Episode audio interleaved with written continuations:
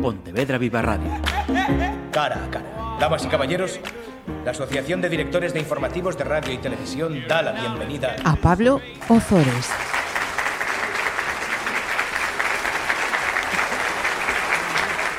¿Qué tal? Ya que en algún momento de este cara a cara aparecerá algún rabbit, como en Alicia, en el País de las Maravillas, podríamos empezar el programa a modo de cuento. Así que voy ahí. Había una vez un niño de ojos muy vivaces, de pelo rubio ensortijado, al que te podías encontrar dibujando tras la barra de un restaurante en un lugar costero llamado Ogrove. Ese niño se llamaba, se llama Pablo Zores y hoy, un veinteañero, sigue dibujando y está en este estudio de Pontevedra Viva Radio. Muy buenas tardes. ¿Qué tal? Eh, pues la verdad es que muy bien, encantado de, estar por aquí y de poder compartir este cara a cara. Hemos empezado a modo de cuento y hablaba de ese niño al que te, te podías encontrar dibujando tras la barra de un restaurante de Ogrove. ¿Esos dibujos todavía se conservan? Todavía se conservan y de hecho eh, tanto mi abuelo como mi tío hicieron un trabajo durante años que fue guardar todos esos dibujos en una carpeta que yo ahora tengo guardada y todos esos dibujos que había detrás de la barra, obviamente algunos se, se pierden siempre, pero están todos, están todos guardados. Y durante tus años de, de primaria, de secundaria, alguien te dijo, oye Pablo, eh, ve por aquí, que hay mucho potencial. Pues la verdad es que sobre todo mi familia y también pues los profesores que fui teniendo de educación artística, pues me decían que, que le diese caña al tema del dibujo, que pues que, que tirase por ahí porque que, que, se me daba bien y más que dibujar bien es que cogía las cosas rápido y que era, que era creativo, entonces me decían que tirase por eso. ¿Qué pasa? Que yo soy estudiante de empresariales y como estudiante de empresariales, pues lo que se busca siempre es la productividad. Entonces, eh, pues inmerso un poco en esa búsqueda de la productividad, igual no entraba el pasarte todo el día dibujando, porque me daba cuenta de que no tenía tiempo para hacer más cosas. ¿Qué pasa? Que luego llega la cuarentena y bueno, ya hablaremos más adelante, pero ahí me di cuenta de que, de que dibujar sí que entraba en, en, los planes. En lo que quería hacer. Bien, vamos a ello. Nos vamos a retrotraer a ese mes de marzo del año pasado un contexto pues, eh, en el que todos hemos eh, tenido muchas sensaciones, muchas experiencias y pocas seguro que se van al lado positivo. Pero, sin embargo, es un confinamiento que para ti, para Pablo Zores, eh, se puede decir que te ha cambiado la vida porque haces emerger, como ya nos avanzabas ahora, a Ozo, ¿no? Cuéntanos, ¿qué pasa? Pues lo que pasa durante el confinamiento es que lo que esperábamos que fuese a ser eh, dos semanas se convierte en, en varios meses encerrados en casa. Eh, ¿Qué pasa? Que al final pues tienes que encontrar una forma de, de salir de ti y de abstraerte de alguna forma pues para, para gestionarlo mejor y al final para, por tu salud mental también. Y yo encontré en, eh, en, el dibujo pues la forma de, de sentirme bien, de, de, levantarme y decir hoy voy a hacer esto. Y entonces esos dibujos que empecé a hacer pues yo los empecé a compartir con mis amigos y y ellos pues me animaron a, a compartirlos a, a, más público y fue así como abrí las redes sociales, de, empecé por Instagram y la verdad es que tuvo bastante buena acogida y, y poco a poco pues fui, fui siguiendo eso. Vale, nos acaba de recordar cómo eh, deja salir a Ozo. Si a Ozo le añadimos el supply, ¿con qué nos encontramos? Que también, perdona, también apareció en ese momento, ¿no? ¿O no? Sí, apareció en ese momento. Eh, yo necesitaba darle una, un, un, nombre a, al espacio donde yo almacenaba todo lo que iba haciendo. Entonces, supply es como suministro, como lo que tienes que ofrecer. Entonces, es, Ozo Supply es como el espacio en el que Ozo muestra pues, lo que tiene que ofrecer a, al mundo. Y es todo el tema artístico, eh, que al, al principio fueron cuadros, pero luego pues me di cuenta de que también quería probar. Bueno, me di cuenta, era algo que ya sabía desde pequeño, pero me di cuenta de que el tema de, de pinturas y luego de arte sobre textil era lo que, lo que a mí me apasionaba. Vale. Entonces, hemos descubierto a Ozo y digamos que tenemos también un espacio físico donde ver lo que hace Ozo, que es Ozo Supply. Ese espacio está en Ogrove. No, a ver, pues corrígeme entonces. Es, o sea, Oce Supply es la marca, por así decirlo. Es como si me dices, eh, yo hago esto, pero esto pertenece a una marca. Ajá, vale. Os vamos a vincular, por cierto, eh, la web para que podáis ver lo que, lo que conlleva todo, todo esto que estamos hablando. Lo has mencionado. El confinamiento te ayuda a sacar fuera todo eso que Pablo Ozo llevaba adentro a través de tus redes sociales, de tu Instagram, y das ese pasito más adelante al que me acabo de referir y de forma autodidacta te creas la página web, que es la que hemos enlazado a las informaciones que, que van a poder ver y que pueden ver en Pontevedra Viva y Pontevedra Viva Radio, y que para mí también es, eh, es otra forma de manifestar tu creatividad entonces, ¿eh? Bueno, a ver qué pasa. Yo abro las, abro las redes sociales de Instagram y empiezo a subir los dibujos, pues sin ningún ánimo. Yo simplemente quería compartirlos con la gente y también si le gustaba bien y si no también porque yo realmente lo hacía porque, porque me gustaba y porque pues me apetecía compartir eso.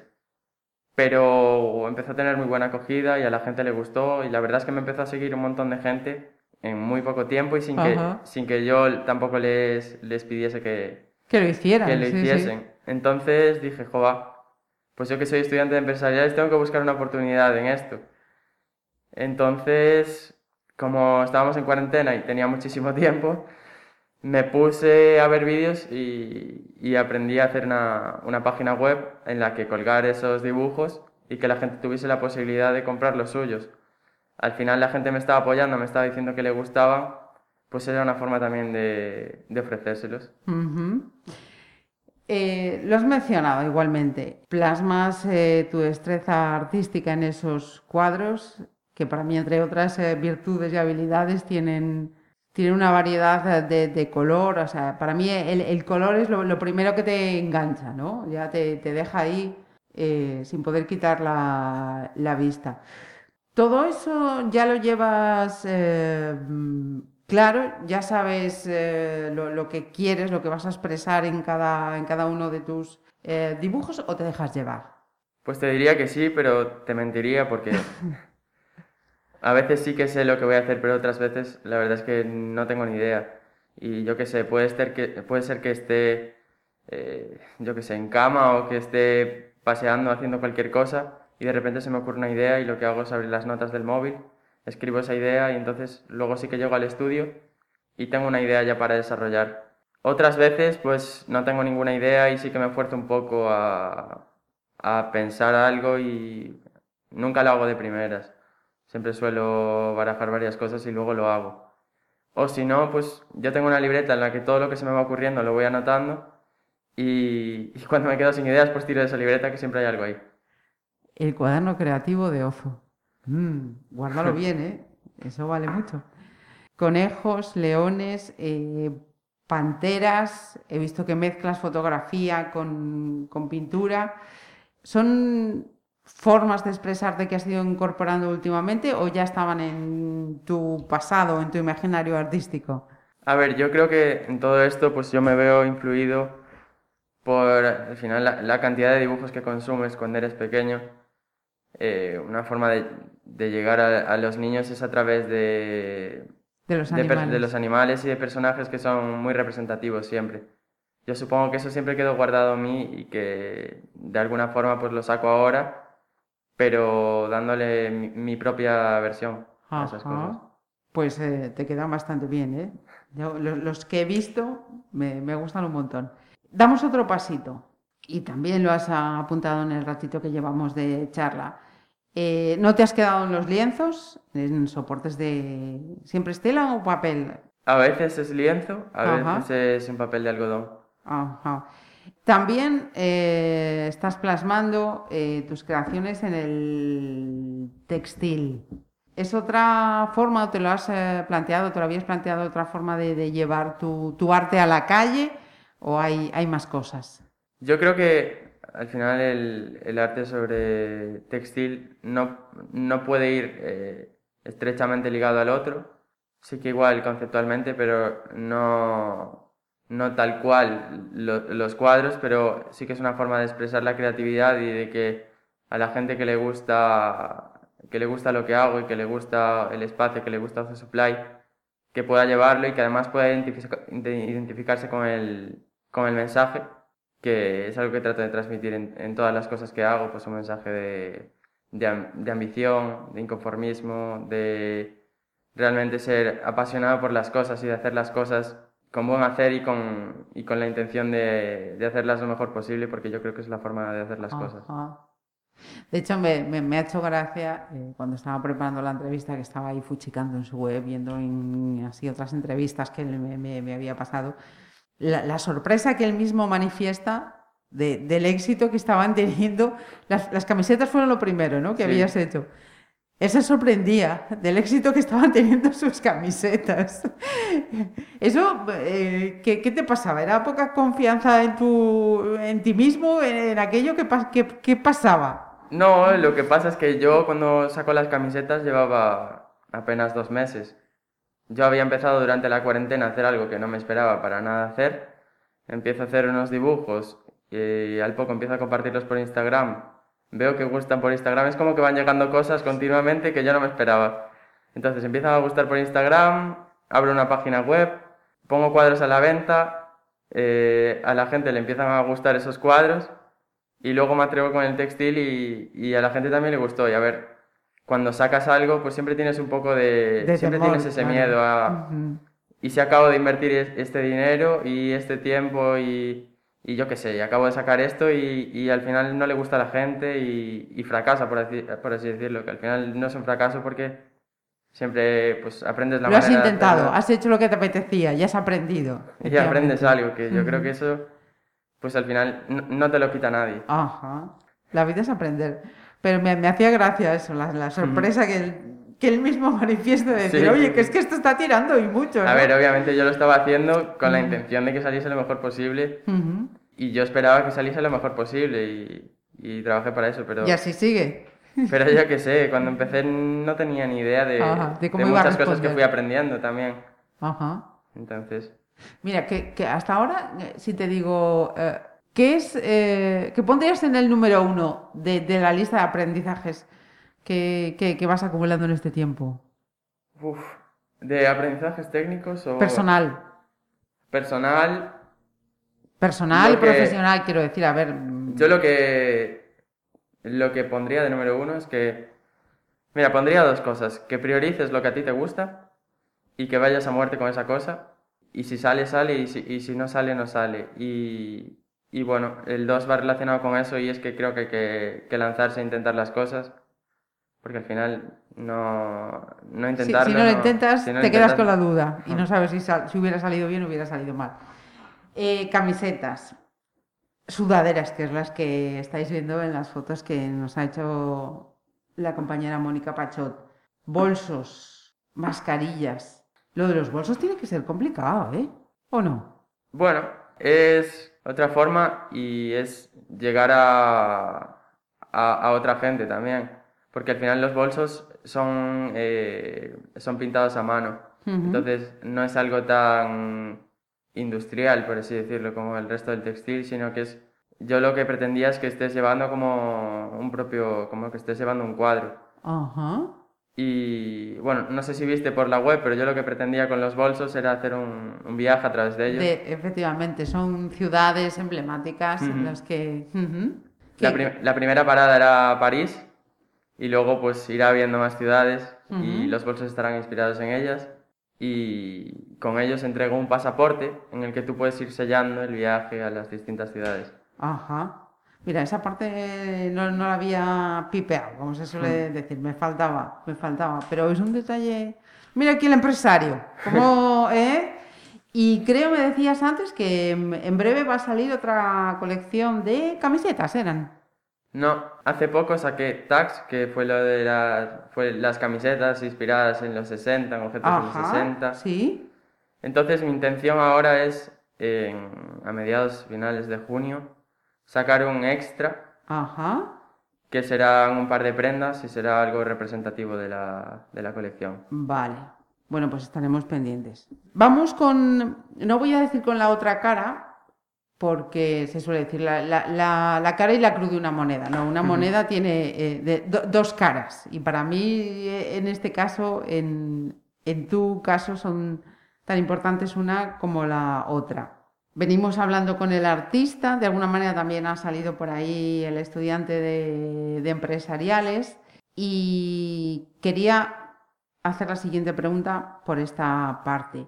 ¿De qué manera el estudiante de empresariales asesora, aconseja, le pauta los pasitos que debe dar a, a Ozo? Pues yo creo que el estudiante empresariales está siempre ahí, en el sentido de que muchas veces el artista se olvida de algo que yo creo que es lo más importante, y es que se debe al público y a que y a que la gente esté dispuesta a consumir lo que hace.